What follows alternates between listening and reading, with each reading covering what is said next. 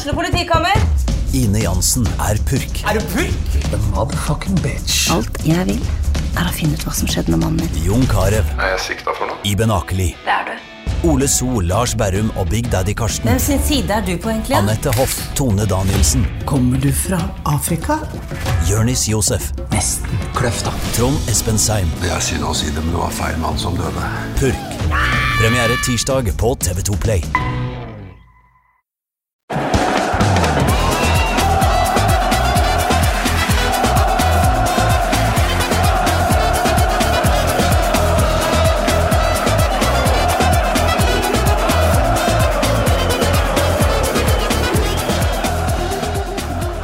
Og velkommen til en ny episode av Pyro og Pivo. Vi fortsetter suksessen fra forrige uke, hvor vi tok for oss en klubb i et land, og snakka om eh, hva man nå kan finne på å snakke om om en klubb i et land. Forskjellen fra den gang er at da hadde jeg med meg én person, og vi satt i samme studio sammen. I dag så har jeg prøvd å ha med meg to personer som skulle sitte i samme studio som meg. En av dem klarte det i noen minutter, men måtte flytte seg til et annet rom. Og en annen øh, fikk øh, korona i går kveld og måtte flytte seg, eller rett og slett ikke flytte seg hjemmefra. Um, kan jo starte med sistnevnte. Diego Foss, øh, Pyro Pivo-debutant. Velkommen skal du være. Tusen takk. Eh, Stor ære å få lov til å være med. Og selvfølgelig trist at eh, jeg ikke kan være fysisk til stede pga. viruset som svirrer rundt i luften. Men eh, fortsatt stas å få være med. Det er litt problematisk, fordi um, du kunne ikke være med, og den andre gjesten skal kjøre etterpå, så jeg må jo sitte her aleine og drikke disse seks halvliterne som jeg hadde handla inn for anledninga. Uh, for gjest nummer to, det er uh, deg, Petter Wæland. Velkommen skal du være. Hei, og der skjønte nok lytterne hvilket land vi skal til. Ja, det tror jeg nok. Én heter Diego, og han andre heter Petter Wæland. Vi skal til Spania, vi. Og Vi skal til den spanske hovedstaden, og vi skal selvfølgelig altså Det blir, det blir Diego Simione, det blir Karim Benzema, det blir uh, Florentino Perez Nei, det blir ingenting av det her. Uh, vi skal nemlig snakke om en klubb som jeg håper jeg uttaler noenlunde riktig, nemlig Rayo Vallecano. Er det um, Dobbel-L-en blir uh, J der også? Det er helt riktig, akkurat som på Mallorca. Og så kan jeg jo bare nevne for lytterne som lurer, da, at uh, altså Diego, du har jo din grunn til å være hjemme. Uh, gjør alt rett i så henseende. Petter, vi prøvde jo å sitte i samme studio, men det ble så mye ekko og krøll og sånn med, med fjernløsningene her, at uh, du gikk over gangen rett og slett til, uh, til det såkalte gullrommet her hos Moderne Media. Ja, Man skulle jo tro at etter to år med- pandemi og hjemmekontor og møtevirksomhet på Zoom og Teams og Messenger og WhatsApp og alt mulig, at vi skulle ha kontroll på dette her, men eh, vi må øve litt til. Vi må det. Um, men uh, vi kan jo begynne med deg, Diego. Du er jo her i egenskap av, å- av å være supporter, rett og slett. Du holder med Rayo Vallecano. Ja, det stemmer. Åssen uh, skjer det? Uh, nei, si det. Uh, altså For min del så var det egentlig litt tilfeldig. Um, i, jeg tror det var i 2012 så begynte jeg eh, litt sånn på fritiden å skrive for en uh, nyoppstartet nettside som het fotballsonen.com. Mm. Eh, og spurte litt om jeg kunne få lov til å skrive om spansk fotball. Eh, og de fleste andre som skrev om det, de hadde jo da Barcelona, Real Madrid, Atletico som sine lag. Eh, men jeg hadde ikke noe lag da, så jeg eh, begynte liksom å skrive kanskje mest om de lagene som ikke de andre var så interessert i. Da. Så jeg så veldig mye spansk fotball det året. Og så var, var Rayo det var et av de første lagene jeg skrev en liksom dybdeartikkel om. Da, så jeg leste meg opp på historikken. Og, så, og det, det året hadde jo de eh, Paco Remes som, som trener i det var 2012-2013. og en, De hadde jo en kjempesesong. Og spilte jo altså, den kamikaze-fotballen til, til eh, Paco Remes. som var sånn Enten vinner vi 4-0 eller så taper vi 6-0. Um, og det, ja, så da ble jeg eh, bergtatt og fant ut at det her, eh, sammen med liksom, historikken og hele, hele settingen rundt, da, var liksom, ja, det var veldig tiltalende for meg. da. Jeg liker eh, offensiviteten din, eh, som sikkert eh, ligner litt på kamikaze-fotballen du akkurat eh, omtalte. Fordi du sitter her i en podkast med Petter Wæland, og sier at du så fryktelig mye spansk fotball. Eh, def definer fryktelig mye spansk fotball. Altså, Ikke så mye som uh, Petter Wæland, det skal jeg på ingen som helst måte ta på meg. altså. Men kanskje, kanskje, sammenlignet med de fleste andre, så så jeg nok fort en ja, si tre-fire kamper per runde. Mm. i en periode der. Så det ble, det ble, mange kamper og mange lag som jeg så en god del ganger i løpet av den sesongen. For Petter, har du fortsatt den berømte streaken med hver eneste kamp i gud veit hvor mange år, eller? Ja, eh, Deportivo Betis i april 2013 er fortsatt den, eh, den forrige X-en. Eh, ellers er det sånne grønne verifiseringsgreier. Så eh, Atletic Club mot Español i kveld blir nummer 3306 på rad. Oh, det er så sjukt! Og, eh, altså, du har jo vært her noen ganger tidligere, men det begynner å bli en stund siden sist. Så vi kan jo bare nevne at du har jo eh, jobb, du har podkast, du har TV-programversjon av podkasten din. Du har kone og barn, og du pendler til alt unntatt kone og barn. Eh, ja, det stemmer. Så mye av dette foregår jo på den tida andre sover. Uh, ja, noen av disse uh, 3306 kampene har vært i opptak. Det er ikke direkte.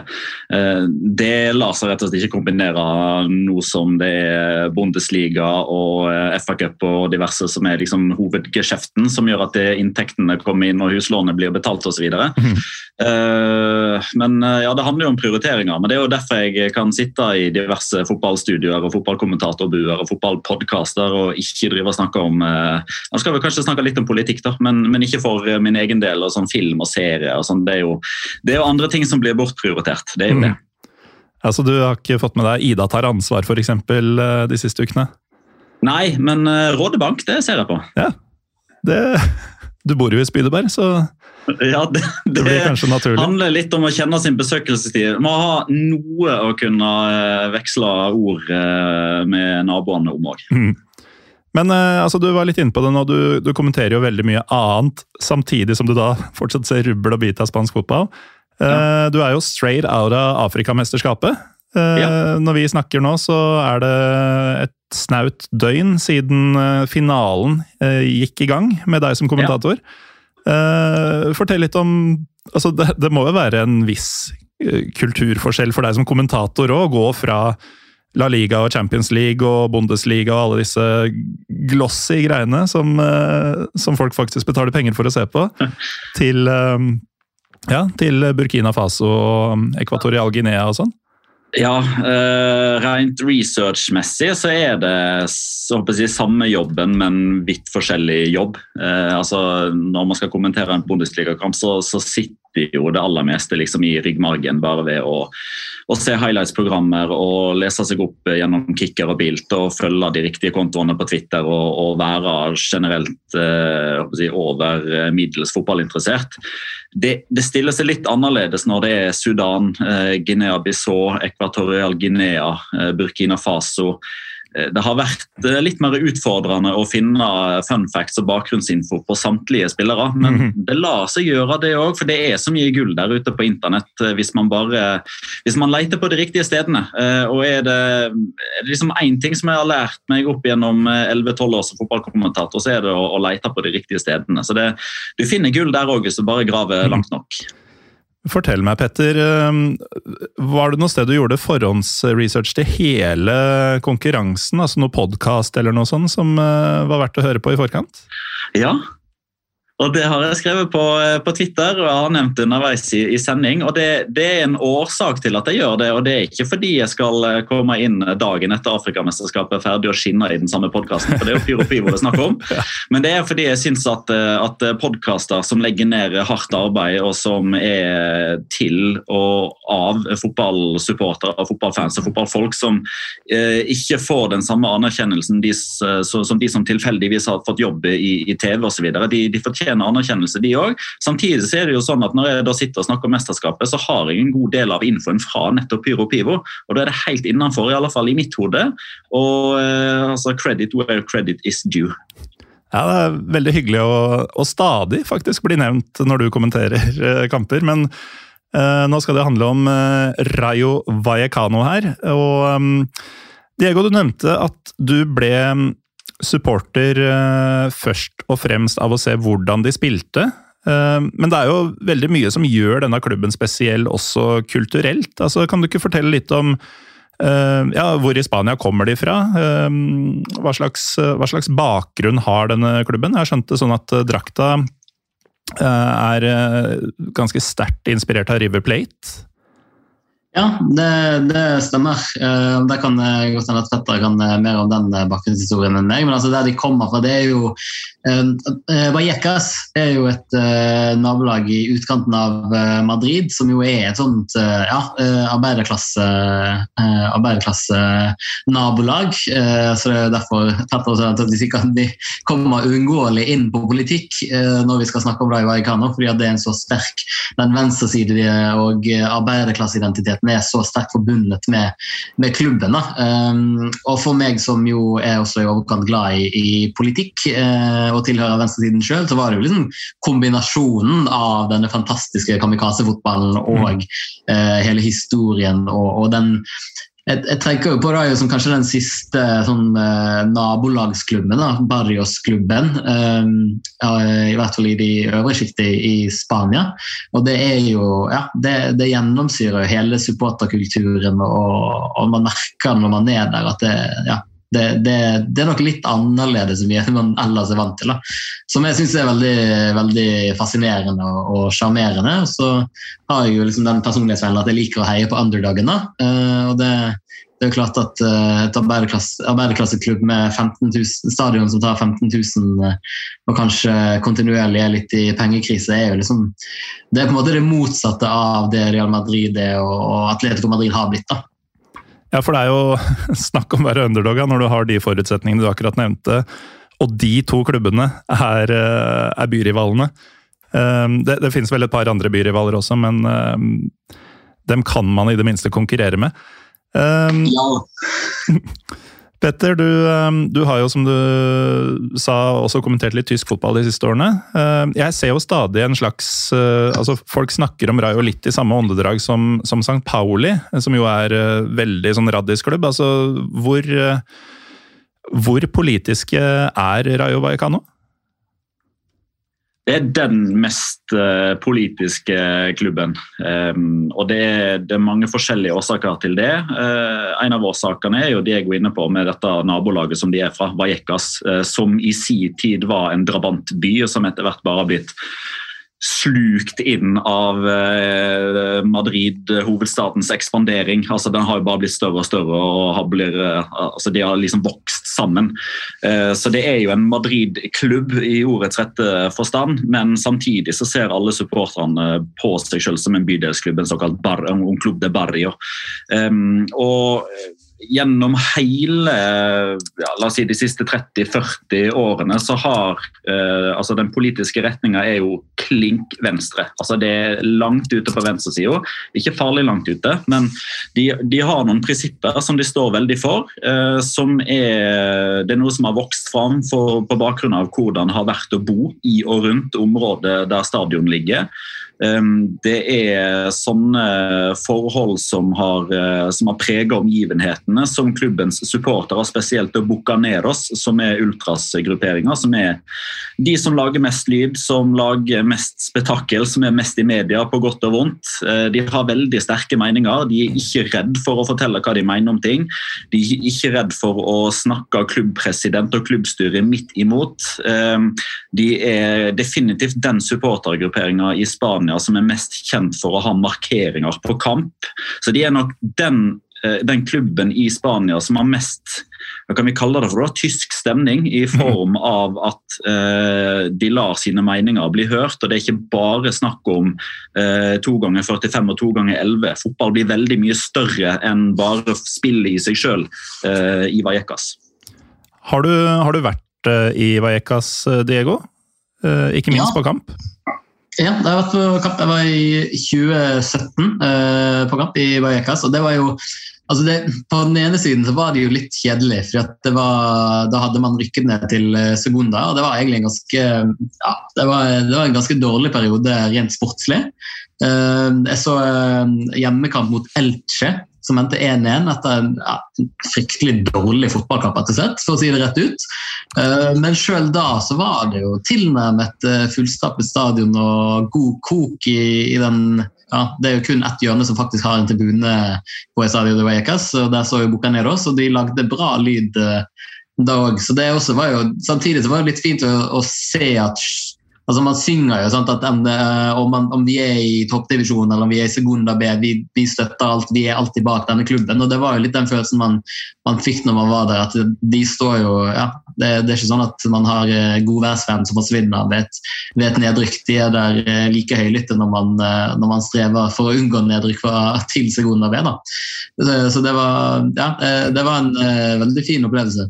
Så du kjenner deg litt igjen i det bildet Petter maler her av av stemninga? Ja, helt, helt, klart. Absolutt. Og det er jo kanskje noe som, som Rayo-fansen virkelig har blitt uh, kjent for. er jo Alle de her markeringene de har under fans, og, og som Petter sa, altså markeringer også mot, mot klubbpresidenten, kanskje spesielt klubbpresidenten. Hvis det er ett rop som høres høyere enn nesten noen andre på, på uh, kamp i Vajeka, så er det jo Presa Betia og Raúl Martin Presa som er, som er klubbpresident. Og virkelig altså, virkelig får hatt uh, av store deler av uh, supportergrupperingen for, av mange forskjellige grunner. Så det, det, er jo virkelig en, en gjeng som, som sier ifra. og som på en måte ja, spesielt Bucanera, så er det på en måte en sånn kontinuerlig konflikt med, med klubben og det, ja, Vi kan jo komme inn på det, men det er jo mange grunner til at det har blitt sånn òg. Ja, altså vi, vi, skal jo selvfølgelig etter hvert eh, snakke litt om at det har vært en sportslig opptur det siste året. Og eh, litt om åssen det har eh, kommet til. Men nå har vi jo nevnt eh, både protester og eh, klubbpresident Raúl Martin Presa ved et par anledninger allerede. Og det er det god grunn til. Altså, det er ikke mm, Sportslig er det jo en solskinnshistorie med opprykk eh, i fjor og europadiskusjon nå. Ehm, men det er jo ikke alle som er spesielt fornøyd med tingenes tilstand i klubben eh, likevel. Altså, kan begynne med, med deg, Petter. Altså, president og eier siden 2011, Raúl Martin Presa. Jeg har lest litt om han. Høres ikke ut som han passer kulturen spesielt godt? Nei, uh, han gjør ikke det. Det er jo egentlig feil mann som leder feil klubb. Uh, altså Rent politisk eh, så er jo uh, Raúl Martin Presa en mann som, uh, som sjelden altså han, han, Noen ganger så snakker han høyt om sitt politiske standpunkt, men han gjør det med innestemmer fordi han skjønner at han, han vet selv at han egentlig er på feil sted, for han er mer høyrevridd. Og den kanskje beste historien i så måte kom jo fra april i fjor. Um, og da, Det var jo i forbindelse med en ganske sånn Jeg skal på ingen måte kalle det ustabil politisk uh, hverdag i, i, Spania. Det var det ikke, men det var jo på et tidspunkt her at uh, man, uh, man, var i en sånn type limbo mellom statsministre. Det var valg, både kommunevalg i Madrid og, og valg i, i, landet Spania. og På det tidspunktet så var det veldig mange politikere som var ute etter å bli sett og hørt. Altså De skulle være på de riktige stedene. Og, og han som er leder for, for partiet Vox, som heter Santiago Abiscal. Vox er jo da veldig på høyresida. Altså strengt alt det motsatte som Rayo-fansen står for. Han var invitert av Raúl Martin Presa til å se en kamp mellom Rayo Vallecano og Albacete. Uh, og disse bildene fra kampproduksjonen de, uh, de gikk jo ut på, på, lufta, og det var òg folk i Bucanero som hadde observert Abiscal på vei inn på stadion. Ryktet begynte å gå. Og det viser egentlig litt av handlings, den handlingskraften som Rayo-fansen har, og spesielt Bucanera. For da, I løpet av et par timers tid så klarer de både å komme på og gjennomføre følgene i det. At når kampen var ferdigspilt og stadion var tom, så dukker det altså opp eh, mengder med Rayo-supportere iført verneutstyr som skal desinfisere stadion fordi det har vært høyrepolitikere på kamp. Oh. Det, det, er på mange måter oppsummerende for situasjonen. For at presidenten kanskje er på feil sted når han velger å invitere eh, politikere som står på helt motsatt fløy, men òg den handlekraften og den kreativiteten mm. som ligger i Rayo-fansen. Ja, Det er helt nydelig. Altså, jeg begynner å skjønne sjarmen her, Diego. ja, og det her, altså, Dette er jo bare ett av uh, mange eksempler. Det, jeg husker ikke hvilken kamp det var, men for noen år siden så, var det jo, så skulle man spille en hjemmekamp som vel begynte klokken elleve om kvelden. Ja. Eh, og da dukket jo hele Bucaneros-gjengen opp i sånn godt gammeldags nattøy og puter. og var liksom, ja, De var klar for å legge seg eh, som en markering. En, gang, en annen gang hadde de, hadde de vel satt opp eh, noe som så ut som en Simpsons-sofa. Eh, altså det, det, det er jo en enorm sånn fantastisk kreativitet òg i disse markeringene. Det er liksom ikke bare bannere og, og slagord, men, men veldig mye annet. da. Eh, men når det gjelder eh, altså Én ting er jo hva Presa sjøl står for politisk, og at det ikke, eh, ikke helt sammenfaller med supporterne, for å si det pent. Men en annen ting er jo at han altså, igjen og igjen virker å ha så liten enten forståelse eller interesse for eh, at han faktisk da er så i utakt. I, i så måte er jo da den, eh, den episoden med Roman Zozolia som skulle bli hentet inn det var vel i 2017, skulle leies inn fra Real Betis. Den høyrevridde ukrainske spissen? Høyrevridd ukrainsk spiss med ganske klare meninger. og Da, altså, da snakker vi ikke Erna Solberg sitt høyre, da snakker vi langt, langt ut på høyresiden. Um, og det, der òg fikk han jo protester ganske fort. Jeg husker, ikke, jeg husker ikke om han i det hele tatt gjennomførte en eneste trening jeg, før han uh, ble så skremt av uh, protestene fra Rayo-fansen at han tok sin uh, koffert og dro tilbake til Sevilla. Um, men altså bare det, tanken på at nå henter vi en, en fyr som vi vet er fascist til denne klubben, når man vet hvilke supportere man har, hva slags type klubb man leder. Det viser jo at han ja, som sagt, enten så har han ikke interesse, eller så skjønner han rett og slett ikke altså, hva supporteren har med å gjøre. og det og sånn, Han har jo vært president i mange mange år nå. så man, det, det, det, er jo sånne ting som gjør at frustrasjonen bygger seg jo bare opp mer og mer over tid. Ja, og han, han tok jo over klubben i 2011, Presa. og jeg leste en artikkel rett før vi gikk i studio i dag, eller hva vi nå skal kalle det vi har gjort. Gikk i hvert vårt studio, noen av oss. Um, og Da leste jeg at eh, inntil han overtok, ganske nøyaktig i det øyeblikket han overtok, så hadde Rayo et ganske bra kvinnelag. Som hadde vunnet ligaen et par år på rad og, og sånn. Og spilt Champions League og var, var et litt sånn beacon i europeisk kvinnefotball. Hvor da, etter et drøyt tiår med, med Presa, at nå er det spillere som har anmeldt klubben fordi eh, de har for dårlige arbeidsforhold og bare har kollapsa fullstendig. Da. Det låter jo heller ikke å være helt i tråd med, med hva klubben skal stå for, eh, Diego? Nei, på ingen måte. Altså, øh, og noe av det handler jo om at øh, fordi at man, man jo man støtter klubben og ikke bare altså herrelaget, så er det, det er også stor interesse for hvordan juniorlagene gjør det. Også var kvinnelaget. Eh, som du sa, Kvinnelaget vant jo serien tre år på rad. Var det beste i, i Spania. Var, var, virkelig gode. Um, mens nå har man jo nå er det jo det som skjer med kvinnelaget, skal skje den største kjernen i den største konflikten akkurat nå mellom supporterne og, og eh, Presa. Det ene er jo at, uh, at kvinnelaget har faktisk ikke eget medisinsk personell personell. Så det var jo et eh, bilde som dukket opp i en kamp mot Barcelona tror jeg det var, i, i november, der, eh, der, Barcelona sitt uh, medisinske apparat måtte hjelpe da, en, en Rayo Feminino-spiller som var skadet, fordi at det var ingen, uh, Rayo hadde ingen egen lege til å gjøre det.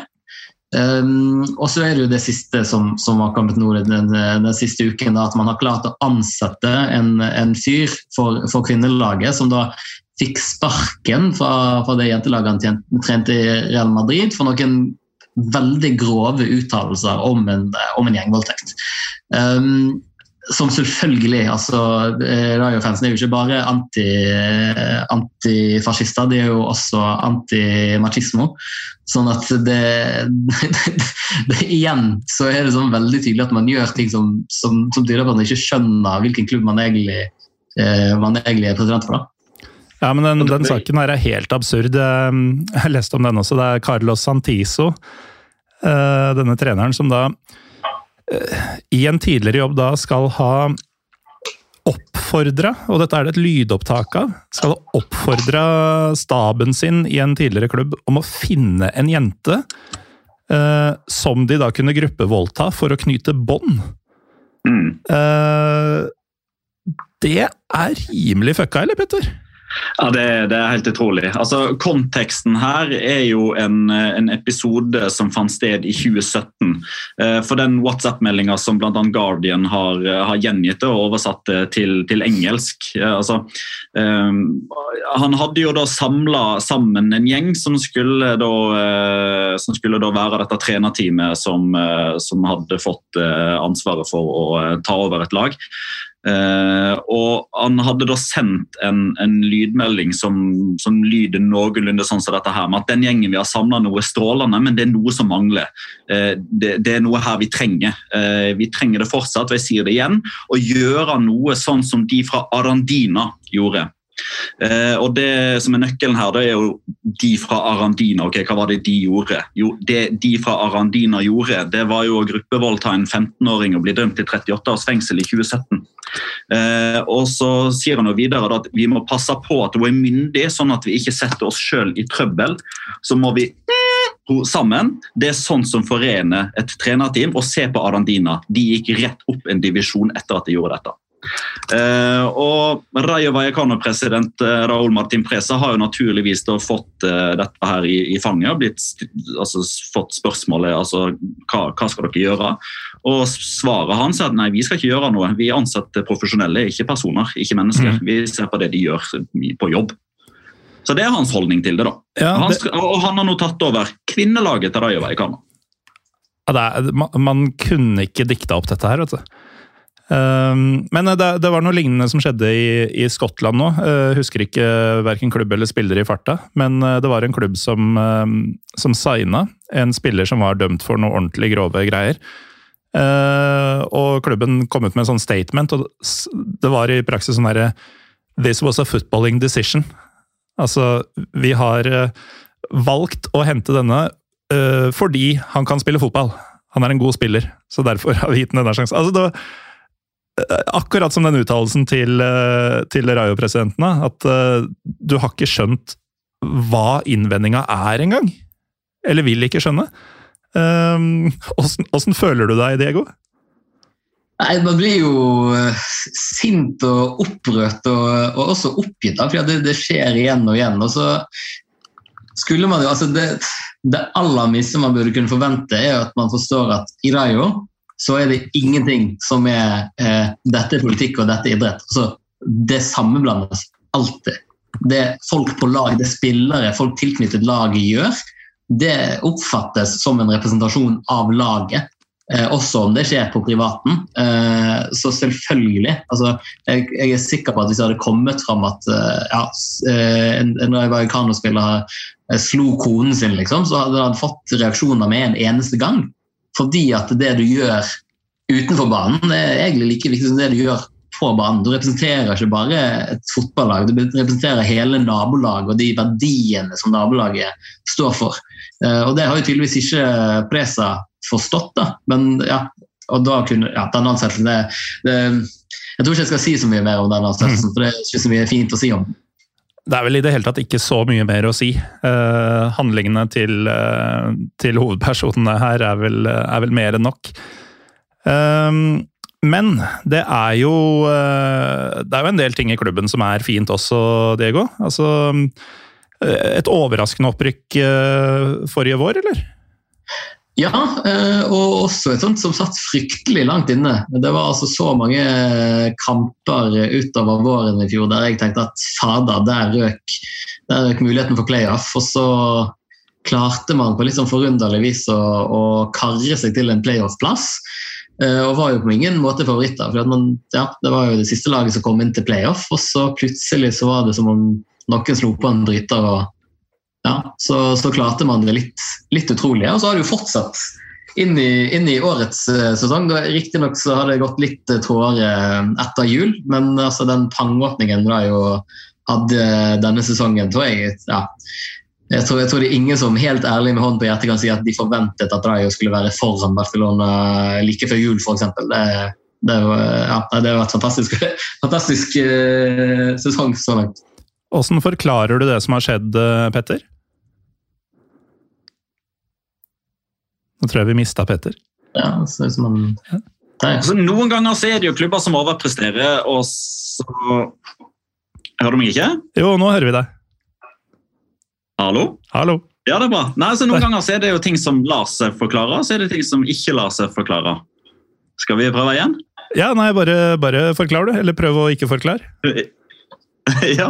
Eh, nei, altså Noen ganger så bare skjer ting uten at det er en sånn ordentlig forklaring bak det. Altså Det er noen klubber som du forventer skal være på fjerde, femte, sjetteplass som underpresterer. Eh, men akkurat her så syns jeg at eh, man har ganske klare streker under svaret. Og det er treneren, Andoni Iraola, som, som virker som en sånn type som om fem, seks, sju, åtte år så kommer man til å se tilbake igjen på det han gjorde i Mirandés og i Rai, og så tenkte man ok, men det er ikke rart at han trener, og så kan du sette inn navnet på en toppklubb. Mm. Det virker som at han har eh, veldig mye av det som skal til for å være en veldig god fotballtrener. Ekstremt klok, eh, innovativ, ønsker å være framoverlent, eh, tenke nytt, klare å få et kollektiv til å framstå som veldig sterk, samtidig som enkeltspillere får lov til å være gode til det de er gode på. Og måten de spiller på, er jo en sånn ehm, Det ligner litt på Paco Remes, bare at de tar litt mer eh, intelligente risikovurderinger iblant. Altså Der Paco Remes var ok, målet står der, og dere skal løpe den veien hele tida. Så er Andoni i dag sånn at ok, vi skal skåre mål der, og så er dere lure å ta vare på de og de og de og de overgangsmulighetene, mens dere holder igjen hvis kampklimaet er litt sånn, så går dette fint. Um, så det er jo, altså, For å dra noen enkelttyper her, da, altså venstresida med Alvaro Garcia og Fran Garcia, høyrekanten Isi Palazon eh, og en eh, veldig sterke sentrallinje på midten som er løpssterke, duellsterke, tar riktige valg. Oskar Oscar Trejo som plutselig har begynt å få en ny vår, som leverer målpoeng på løpende bånd. Um, og så har du nok òg litt den Falcao-effekten, selv om den kanskje har avtatt litt for hans vedkommende. For han skåra veldig mye i begynnelsen og kom, han kom skikkelig godt ut av startblokkene. Og Pga. at her Falcao spiller og presterer for Rayo, så ble det sånne greier som gjorde at alle så på Rayo og Ekano med litt andre øyne. Men etter en veldig god start så har jo Falcao havna litt i skyggen av sine lagkamerater, som har vokst litt av kanskje bare det at han er i garderoben. Eh, at de kan lære litt av bevegelsesmønsteret, at de kan dra nytte av alle de um, opplevelsene som han har hatt gjennom karrieren. da. Mm. Det må jo være litt av en uh, altså det er jo en endring i din livskvalitet, vil jeg tro, Diego, når du går fra å ha hatt Roman Sasolia i troppen til eh, Radamel Falcao på banen, og at han i tillegg presterer? Ja, ja absolutt. Eh, jeg må innrømme at jeg trodde jo det her eh, Jeg er jo av typen som har lite tillit til ting som ting som rykter som svirrer rundt ja, rumor season, holdt jeg si. Um, så jeg, jeg, trodde jo ikke helt på at Falcao skulle komme til, til Rayo. Og så kommer det. Så jeg, for meg som også er, er født i Colombia, så er jo det veldig veldig artig at Falcao spiller for Rayo. Det, det, må jeg jo bare si. Um, men som, som, Petter er inne på, det er jo ikke bare Falcao. Jeg tror, tror nok det er mer og mer det at den ja, den personligheten han har, og den erfaringen han kommer inn med i, i den garderoben, da, eh, har vel så mye å si som, som de målene han har skåret til det han har gjort på, på banen. Ja, I de første kampene, første par månedene så, så skårte han, men det var også sånn han kom inn på og spilte 15 minutter, var kanskje borti ballen tre ganger, og en av de var et avgjørende mål. Eh, så det var, liksom, det var ikke at han storspilte en hel kamp, men han, ja, det var den, den, effekten av at han skåret de avgjørende målene.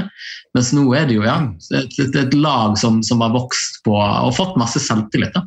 Det la jo vel, det la jo jeg veldig merke til på Twitter da eh, Rayo Vallecano slo Mallorca i forrige uke og kvalifiserte seg til semifinalen. For Da var det jo folk som ikke hadde sett kampen, eh, som ikke hadde sett på Kampfakta, som bare trakk fram en tweet fra ISPN eller noen andre av disse store engelskspråklige kontoene som liksom dro, dro fram Rayo Vallecano-eventyret.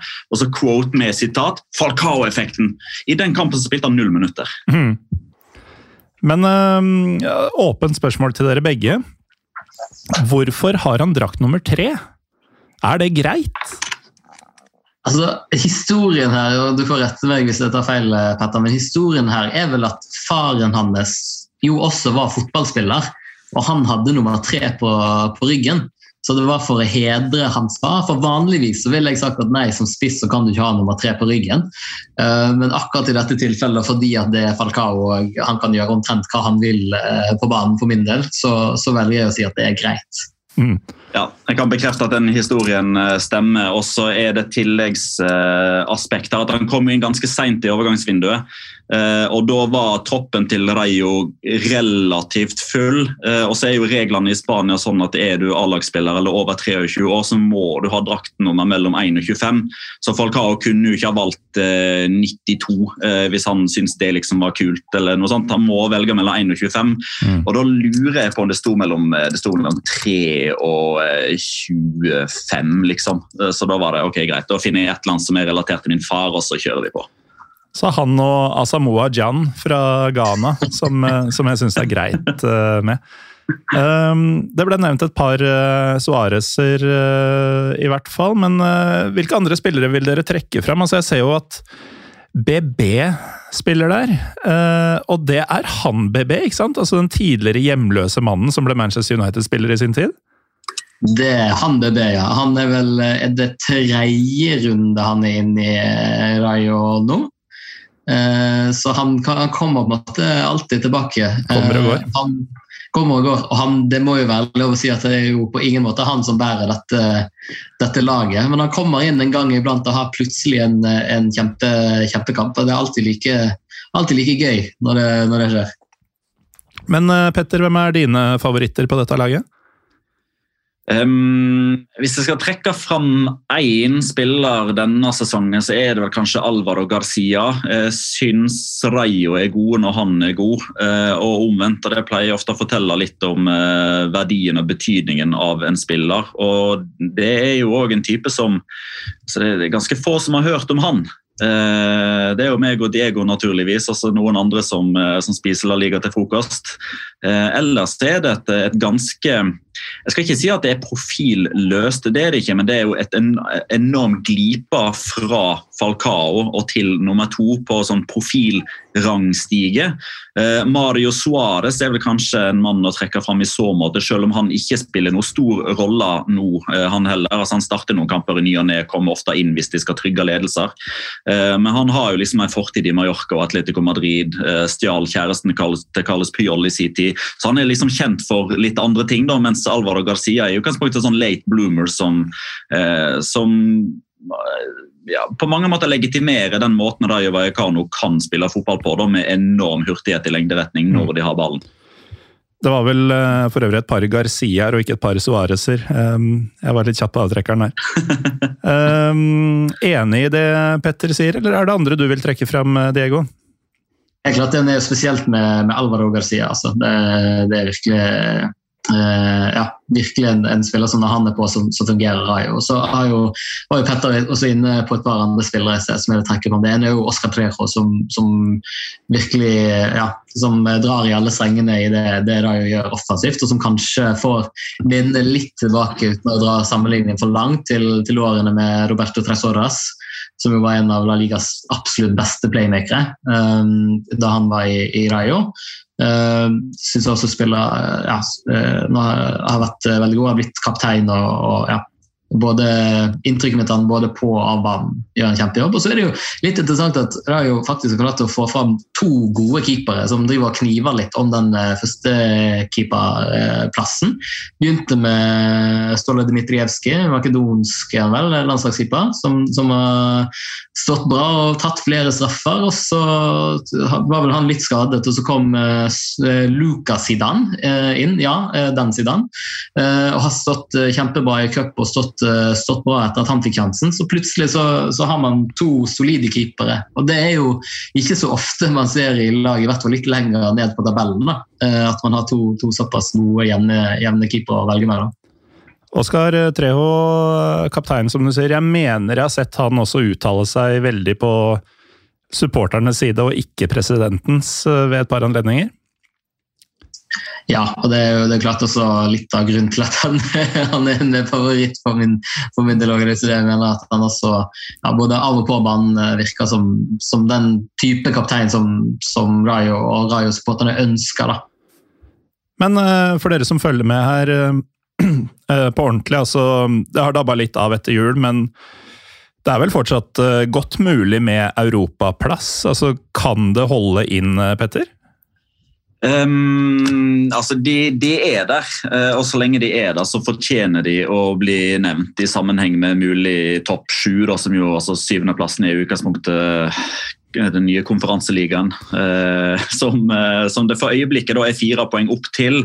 Eh, men det spørs om ikke eh, baksida av medaljen av det cupeventyret de holder på å skrive nå, er vel kanskje det at de ikke har eh, bredde eller erfaring nok til å kjempe på to fronter samtidig.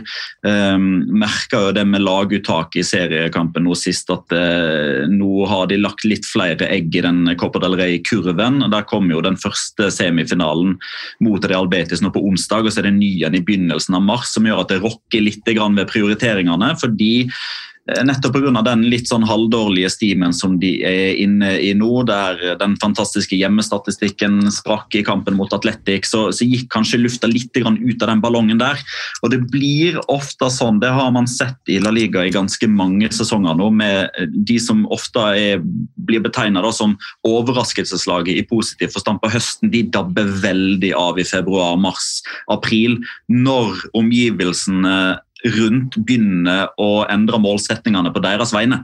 Mm. Eh, det er jo fortsatt Rayo-spillere som står i, eh, i mix-zone og i flash-intervju rett etter kampen og, og sier at pri 1, vi skal eh, beholde plassen. Og det har vi snart tatt poeng nok til å gjøre allerede. Og da kan vi begynne å se på mulighetene. Men eh, man merker liksom at eh, TV-journalister, eh, ekspertkommentatorer, kommentatorer underveis i kampene, de som skriver kronikker i aviser, de som uttaler seg på radio, de snakker liksom om ja, mulig eh, euro Reio.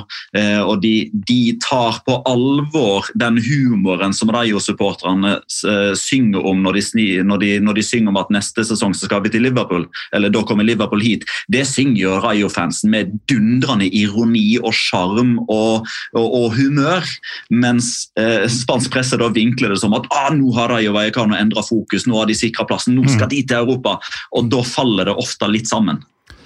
Uten sammenligning for øvrig, så um, er det jo sånn på Åråsen at uh, når man en sjelden gang ser litt oppover på tabellen, Eh, så begynner man fort å synge mm, 'Vi skal dø i Beograd, hurra, hurra'. Eh, det er jo ingen som tror verken det ene eller det andre, men eh, altså, ironi på tribunen er en vakker ting. Det er en vakker ting, men noen ganger litt vanskelig å forstå. Mm. Som ironi generelt, kanskje. Ja. Men altså, dette cupeventyret, det, det er semifinale, sa du, som de skal spille mot Real Betis nå. Um, det er vel en klubb som aldri har vunnet en uh, nasjonal tittel, dette her, Diego? Altså, hvor, hvor, uh, hvor mye tør du å drømme?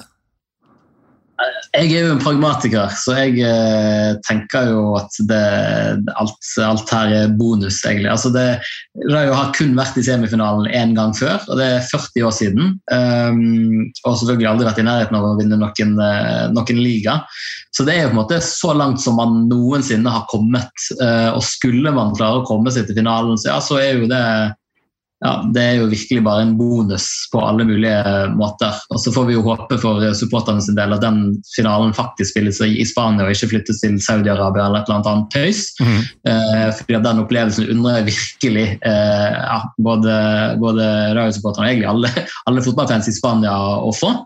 Eh, men det er liksom det er en bonus. Eh, for min del også tenker jeg at ja, det, det hadde vært selvfølgelig det hadde vært drømmen å komme oss ut i Europa, men det er jo igjen, jeg var inne på hvor, hvor, på håret det opprykket egentlig var. Eh, så, så, det er jo forståelig. Jeg regner med at Irayola dunker det inn på hver eneste trening og før hver eneste kamp at vi skal holde plassen. og det er, det er nok. Eh, og det ja, To-tre seire til, så er man antageligvis der. Og så kan man liksom begynne å orientere seg på hvor man er eh, på tabellen. da. Men, men man, jeg, jeg tror også både supportere og, og, og spillere er, vet godt at man har overprestert. Eh, og for min del at jeg bare nyter, nyter, det, nyter hver sesong som ikke handler om, eh, om, å prøve å unngå å rykke ned, eller gud forby prøve å unngå å rykke ned fra sekunder. Det er jo enkelte ting som har blitt sagt om denne klubben i denne episoden, som får meg til å tenke at en cupfinale i Saudi-Arabia. Det hadde vært en viss bismak for eh, fanbasen. Ja, da, Ja, altså, de er gode å kjøre på. nei, altså, da, da tror jeg det hadde smelt. Altså, det, det er en liten del av meg som tenker at jeg nesten har lyst til at det skal skje, bare for å liksom se hva finner Bucaneros på denne gangen for å liksom virkelig markere og, og, og sette det, den situasjonen på kartet. Fordi at det er jo ja, det, det er jo et, et, et, utsagn som går igjen eh, både hos Rayo-fansen og så vidt mange andre. Og Odio eterno el fotball moderno. Eh, og det er sånn Jeg hater for alltid den, den moderne fotballen.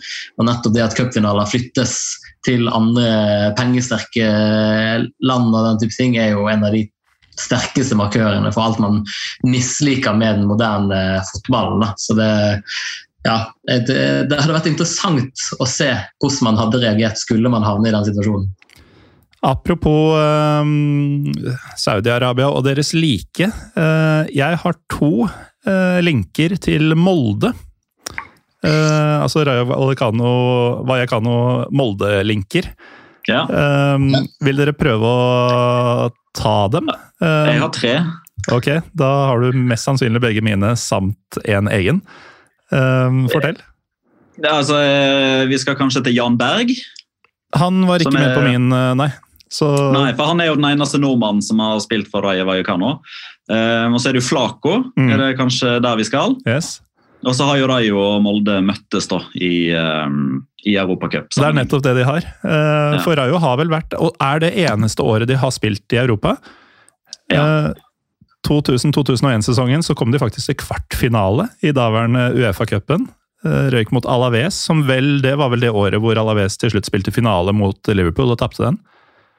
Så um, Det er helt riktig. Jeg husker, altså Bernt Hulsker har jo hatt noen uh, stories på diverse programmer og podkaster om uh, om lurer på var da han eh, i sin tid spilte mot Sergio Ballesteros, eh, som jo er si, nesten viden kjent, men eh, som en sånn øldre altså, Kan vi si at han er Spania sitt svar på Martin Hinteregger? og så plusser du på 15 kilo, og så slår han Cristiano Ronaldo i en løpsduell. Der har du liksom mannen, myten, legenden Sergio Ballesteros. han høres ut som en jeg kunne tatt en pivo med. Ja, definitivt. Og Han er for øvrig nå i trenerteamet til Levante, som uh, ligger dønn sist i La Liga. Uh, ikke nødvendigvis noe sammenheng der, men jeg bare følte for å nevne det. Men uh, apropos historier som enten Bernt Hulsker har fortalt i podkaster, eller som du kan finne på å fortelle i podkaster, Petter. Vi var vi dekka så vidt i stad at Diego har vært i Vallecas.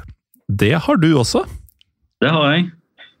Um, tror jeg har vært der seks eller sju ganger opp igjennom nå. Det er, det er favorittstedet å, å, å, reise til, fordi du får I altså, Madrid får Madrid eller i Spania? Uh, I Spania, egentlig. Altså, selvfølgelig, det er jo, det er jo vakrere i San Sebastian. eh, og det er enda litt mer trøkk på Benito Villamarin fordi det er flere folk der. eh, og det er kanskje enda mer kvalitet, eh, hvis det er det man er ute etter da, på Santiago Bernabeu og Wanda Metropolitano. Men det er bare et eller annet der med å, altså For det første så skal du jo komme deg til Vallecas, for det er jo ikke der du bor på hotell. Eh, for å si det sånn, Hvis du er i Madrid, da, da bor du jo sentralt. Og Da må du jo enten ta taxi og da kjøre langs en av disse ørten-europaveiene som går inn og ut av eh, hovedstaden. Du ser liksom hvordan demografien og hvordan egentlig alt forandres da fra skyskrapere og eh, store rundkjøringer til litt sånn avsidesliggende. Du får litt sånn ørkentendens før du treffer Vallecas igjen. Eller hvis du tar metroen og kommer opp på Avenido de la Albofera og du prøver liksom å finne ut ok, hvor er egentlig stadion. Jeg fikk jo beskjed om at bare gå opp trappa, så, så ser du Å ja, det er der, ja! Fordi den ligger liksom altså Når du kjører oppover, da, så legger du ikke merke til, er, til at det er en fotballstadion, med mindre du kjenner igjen stadionporter, eller du ser flomlys.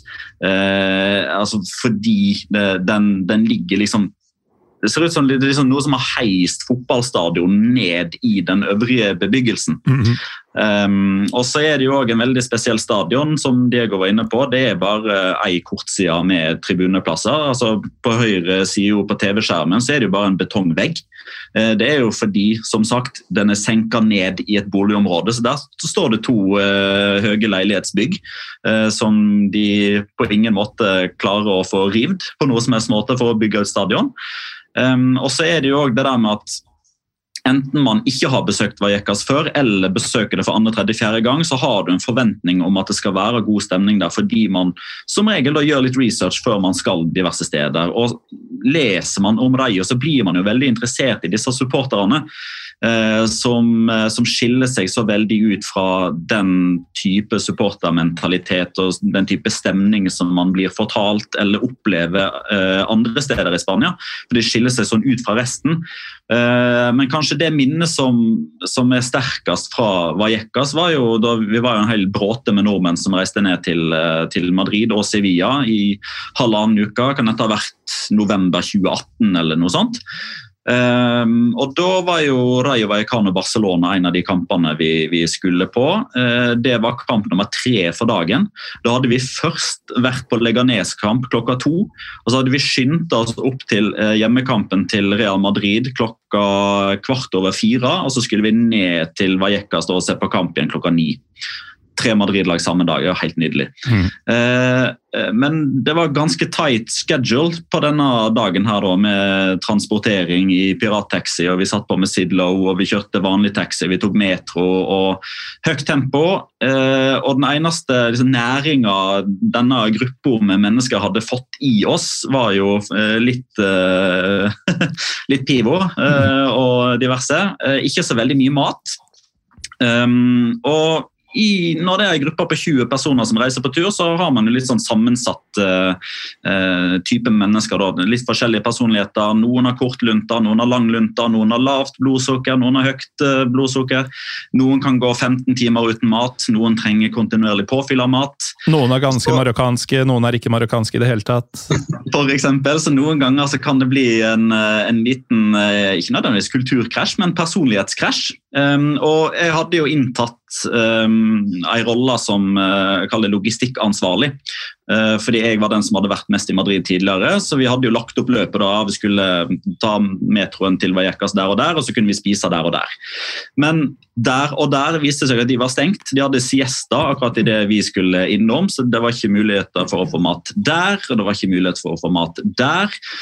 Og etter hvert når vi begynte å nærme oss Vajekas Vallecas og vi, eh, vi satt på metroen, så, um, så, så, ble det en form for skal vi kalle det, starta som en vennligsinna diskusjon om hvorfor vi ikke hadde spist ennå. Som, som, kulminerte i litt sånn, si da, litt sånn uh, uheldige misforståelser og feiltolking av ansiktsuttrykk og håndbevegelser, som gjorde at så nærme har vel meg og Jonas Jæver aldri vært å slåss eh, før som det vi var utenfor eh, Vajekas. Og jeg føler at det, det, er liksom helt naturlig at det er utenfor Vajekas at to gode venner holder på å ryke i tottene hverandre. Fordi eh, det som òg hører til historien, da, at vi, vi røyka jo fredspipa sånn halvbokstavelig talt eh, seinere på kvelden. Eh, fordi meg og Jonas trengte da å være litt fra hverandre i en times tid før kamp. Um, og så hadde vi billetter sånn noenlunde i nærheten av hverandre. Vi var i sånn gruppe på 20 stykker som hadde fått fire-fem forskjellige billettbunker.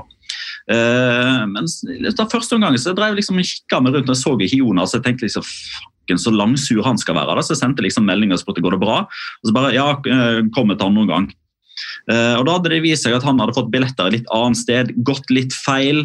Uh, så han hadde havna helt nederst til venstre på uh, langsida, på kamerasida, når man ser bilder fra Vekas. så han sto altså da ganske nærma denne Bucaneros-gjengen. og Jeg glemmer aldri de første ordene Jonas da sa når han kom tilbake. Han hadde brukt opp pausen på å navigere seg fram til riktig tribunedel. Og Han sa det. nå nå tror jeg jeg er så høy, Petter, at jeg veit ikke om jeg er på Vallecas eller i Vennesla.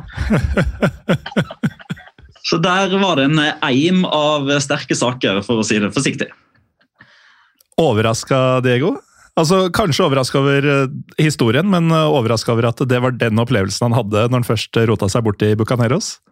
Nei, på ingen som helst måte. Jeg kan jo, eh, kan jo for fra min, min tur, da, så, så jeg sendte en melding til, til Paul Reedy, som jeg anbefaler for øvrig, de som hører og vil få en brukbar engelskspråklig kilde på Rai Waikano-nyheter på Twitter. Da sa at jeg kommer. Han er en sånn type som ja, tar imot folk som kommer utenlandsfra som har lyst til å se Rayo-kamp. Så vi tok en, tok en øl før kamp på puben tvers over for, for stadion. og så så sa, sa, han at du, du, kan bli med ned til, ned til der Bucaneros driver henger før kamp, og så skal vi gå sammen til, til stadion. Da. Så gikk vi ned der, og så nå ser jo ikke dere det siden dette er en podcast, men jeg har jo på meg denne etter hvert litt velkjente regnbuefargede bortedrakten. Uh, den fikk jeg streng beskjed av Pål om å dekke til, fordi at den var ikke anerkjent av Bucaneros. Ikke fordi at de ikke likte budskapet, men fordi at det her var noe som klubben hadde funnet på for å tjene penger, uh, og det likte ikke Bucaneros. Så uansett så, så, går vi ned der, og du kommer inn i en sånn gammel garasje, svær garasje. Og det du kommer inn, så får du liksom Altså det dunker en blanding av ska og liksom trash metal. Eh, alt knallhardt politisk. Seig eh, blanding. Seig blanding. Og det er en sånn dunst av hjemmebrygget øl og weed som er helt, eh, helt fantastisk. Og der hadde da liksom Bucaneros sin, sin oppladning til kamp. da. Eh, så jeg på ingen som helst måte overrasket over at eh, Jonas kjente effekten av å stå, stå nær, nær, den gjengen i en eh, times tid. Altså. Det, det, kjenner du. De, de, bruket jo også sitt eget øl, f.eks. Vallecana, og hadde produsert sine egne supportereffekter av skjerf og alt mulig annet. Så det var virkelig en nydelig, nydelig opplevelse. Jeg syns den delen av sånn holier than thou-tribunekultur er så nydelig at sterkt imot at klubben skal kommersialisere og prøve å selge drakter og sånn, men vi skal lage og selge vårt eget. Uh, og så er det selvfølgelig forskjellig skala på ting og forskjellige formål med de inntektene og sånn, men uh, jeg syns det er litt gøy for det. Uh, jeg har jo vært på én La Liga-kamp, og det var i Bilbao. og da, av litt sånn forskjellige årsaker, havna jeg sammen med det som vel er hooligan-gruppa til Atletic, Harry Norte Taldea, før, uh, før, kampen, og for så vidt etter kampen. og det er ting som tyder på at det generelt er en sterk ruskultur i uh, spanske supportermiljøer. For de også var veldig på Det lukta ting i lokalene deres, og de var veldig på å tilby ting som jeg aldri hadde turt å prøve. Så for dem som Jeg har jo hatt en tendens til å, med min meget begrensede innsikt, eh, å snakke litt ned eh, spansk tribunekultur. Eh, fordi jeg syns det virker litt daft på stadion mange steder. Men for de som liker liker oppladning og hva skal vi si, nedladning, så tyder alt på at dette er landet for deg. Men altså, Petter Wæland, nesten basketak med Jonas Giæver, det er vanskelig å se for seg? Ja, altså vi har jo våre eh, verbale sånne halvveis eh, slagsmål i, eh, i diverse podkaster. Men, nei, men det, det, var en lang dag. Det var kamp nummer tre. Tidlig opp, seint i seng kvelden før. For dette var, jo, dette var jo en skikkelig guttetur, uten å bli for stereotypisk. Men det hadde jo blitt inntatt saker kvelden før i flytende forstand. Og så er det jo òg Altså disse, disse Rayo-supporterne, vi, jo eh, vi har vært inne på hvor de står politisk eh, osv. Men, men det som er litt viktig å, å ta med her, òg, er jo at de, eh, altså de, de, lever jo og ånder for ikke nødvendigvis bare klubben, men for hele nabolaget. Um, og en av de tingene som, uh, som har på mange måter uh, Jeg skal ikke jeg skal ikke dra det så langt til å si at jeg ble rørt av det, men eh, en ting som jeg husker veldig godt, eh, det var jo for noen år tilbake igjen, så, så ble det en stor greie lokalt i lokalmediene eh, og den lokale radiostasjonen der, som hadde fått rapporter om at det var ei 85 år gammel dame som, eh, som hadde blitt kasta ut av kommunen fra den leiligheten som hun disponerte gjennom sin sønn. Eh, altså Hun var 85 år gammel. og var fortsatt i stand til å bo hjemme og ta vare på seg sjøl, men uh, hun hadde latt sønnen forvalte pengene sine, pensjonen osv. Eh, denne sønnen hadde havna litt uh, utpå. Han var ikke så flink med, med, penger, så til slutt så ble den kassa tom uten at hun var klar over det. Eh, kommunen henviste til paragrafer og byråkrati, og de måtte bare håndheve hjemmelen i, i lovverket. Og de måtte rett og slett bare fjerne denne 85 år gamle, gamle dama, som da eh, bokstavelig talt ble plassert på gata. Eh, og, Det som skjer da, da, er jo at det sterke lokalengasjementet eh, går som en farsott fra person til person. Det blir innsamlings, eh, innsamlingsaksjon blant supporterne i neste hjemmekamp, som var to dager etterpå. Og fire dager etter at 85 år gamle Carmen blir kasta ut på gata, så har hun nok penger til å kjøpe sin egen leilighet. Mm. Det, det, er sånn som Rayo-fansen gjør. Og Det er litt viktig å fortelle den type historier. fordi Jeg har sett eh, så mange, lest så mange intervjuer, hørt så mange radiointervjuer og podkaster med representanter fra Bucanera som er så lei av at det alltid er disse møkkahistoriene som kommer, som ofte ikke har rot i virkeligheten. Mm. Eh, og den, den, kanskje aller dårligste, eller beste slash verste eksempelet på eh, sånne stereotyper og sånn eh, forhåndsdømming, eh, hvordan det kan gå ut over uskyldige parter, det var jo i forbindelse med dette eh, Jeg kan tenke meg at du òg har eh, hørt og lest om det, Morten. Eh, det var en Deportivo la Coronia-supporter som ble drept i, i kamper mellom det som man visste var Deportivo la Coronia-supportergruppering, fordi de var i Madrid og spilte kamp. Eh, og så var man litt usikre på hvem den andre gjengen tilhørte. Det var noen som mente at det var Atletico Madrid, det var noen som mente at det var eh, Rayo Vallecano. Og etter hvert så ble det liksom bare en sånn sannhet, fordi man så på mediebildet hvordan de, hvordan de hadde blitt presentert tidligere, så ble det veldig tidlig der en etablert feil sannhet at det var Rayo Vallecano-supportere som hadde tatt livet av Jimmy. Eh, det viste seg jo etter mange måneder med politietterforskning at det hadde ikke vært en sjel fra Bucaneros involvert i det hele tatt. Men pga. disse stadige, eh, kall det litt sånn halvrebelske, men humoristiske protestene som hadde vært på stadion. For dette her kom jo i etterkant av ganske mange år der Rayo Vallecano-fansen hadde vært i mediebildet. Eh, I 2012, da hjemmekampen mot Real Madrid ble utsatt fordi noen bokstavelig talt klipte strømledningene på stadion som gjorde at flomlys ikke virka. Mm. Eh, dette kom i etterkant av disse andre eh, hendelsene, eller disse eh, protestene som, eh, som, Diego refererte til tidligere. Denne Bernt og Erling-inspirerte protesten mot sene avsparkstidspunkter med banneren Nei, nå, altså, ikke forstyrr oss, nå er det på tide å sove, ikke spille fotball. Eh, The Simpsons-innslaget der man sitter i sofaen og nyhetsankere som, som er på The Simpson bryter inn med siste nytt fra Vajekanfield. Ny prosess, eller ny prosess mot businessfotballen. Eh, dette kom jo òg i etterkant av, eh, av eh, at Bucaneros hadde tatt et veldig kraftig standpunkt mot den, mot den behandlingen som, som flyktningstrømmen over Gibraltarstredet hadde fått. Og, og når man engasjerer seg i sånne type debatter offentlig politisk, så blir man en skyteskive fra den andre sida som ikke er enig med dine standpunkter. Og mhm. Det gikk altså så langt at Bucaneros fikk skylda for å ta livet av en fyr når de ikke engang var involvert i det hele tatt. Ja, det var, eh, det var mye å ta inn over seg.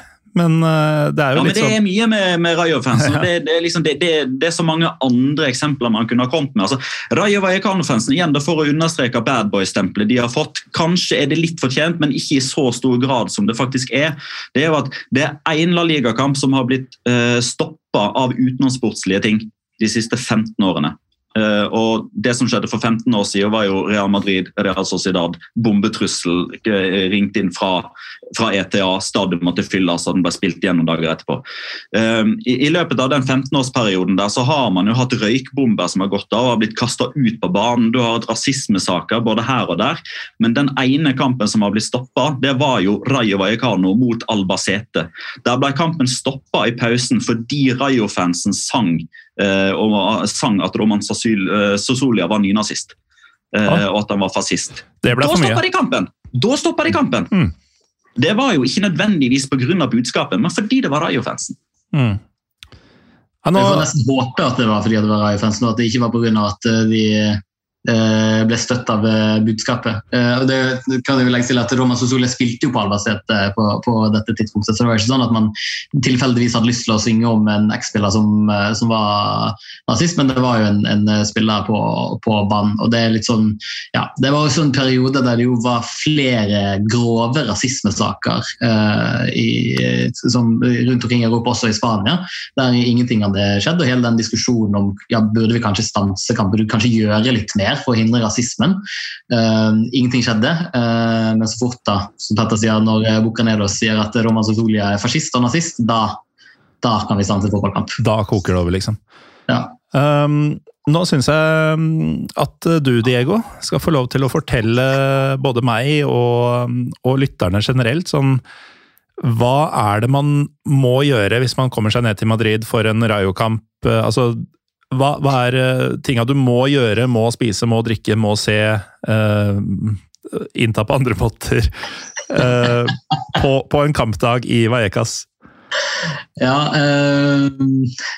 altså, for, for, min del så er det jo sånn bare, bare sette av litt tid til å egentlig bare gå rundt i nabolaget, liksom ta inn den atmosfæren som er liksom, timene før kamp, og, og ta inn over liksom, det, det, nabolaget som denne klubben faktisk er fra. Da, fordi det er, så, det er så viktig identiteten eh, til, til, denne klubben og til de, de supporterne. Eh, og så er det jo sånn Ja, men eh, det er jo eh, kafeer og puber og sånn rundt stadion der, der folk samles eh, før kamp. Eh, så det vil jo anbefale å, å stikke innom det. Og som, som, sagt, hvis det er noe som er interessert i å dra ned alene, så, så finnes det jo folk, bl.a. Paul, Paul Reedy, som, som, det faktisk går an å liksom ta kontakt med og si du, jeg, jeg er keen på kapp, vil du, vil du hjelpe meg å ja, uh, show me around? Kanskje er du heldig, så plutselig får du uh, komme inn i garasjen til Bucaneros. Liksom. Uh, ja, men det er kanskje aller viktigste bare å ta inn over den atmosfæren som er som er rundt kamp. Det koker etter hvert de siste par timene før kamp. så koker det ganske bra. Du kjenner på den der eh, forventningen som bygger seg opp, og du tar inn over deg ja, det, det stedet du er på. For det er liksom det er jo det, for Dragon-fansen så er det jo det det handler om. Sant? De kommer fra dette nabolaget, de er stolte av det, de skal representere det. og, og Det å bare kjenne på den atmosfæren, det, det syns i hvert fall jeg var det, kanskje det, det største. Og Er du ekstra heldig, så kan du se en ordentlig aggressiv Jonas Giæver uh, lette etter mat i, i, tida før kamp. ja, det, det, går sikkert an å ta kontakt med han på sosiale medier og få han med seg.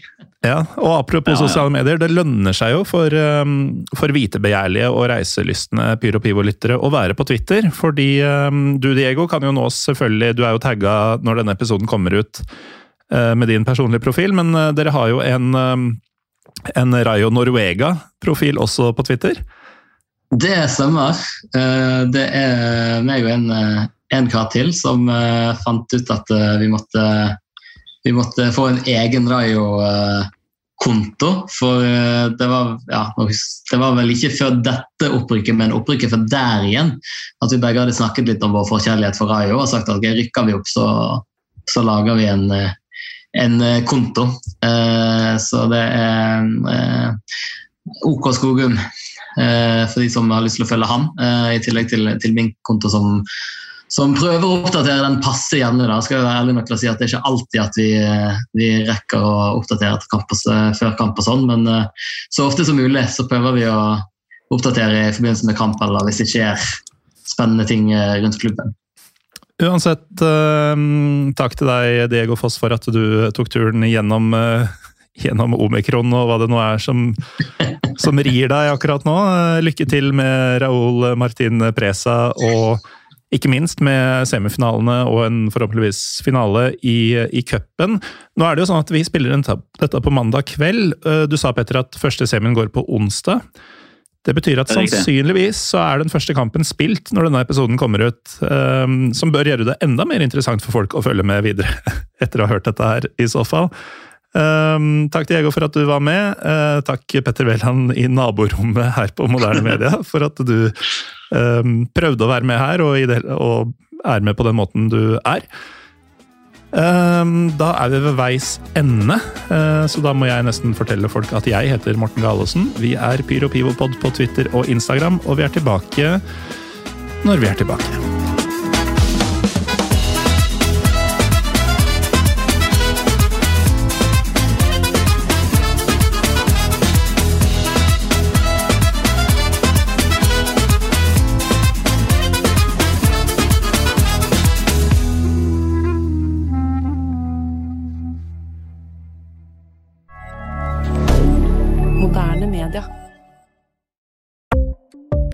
Ukens annonsør er HelloFresh.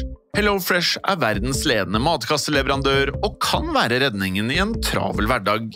Mange av oss har nok vandret i butikken både sultne og uten en plan for middagen, som ender med at vi går for de samme kjedelige rettene gang på gang.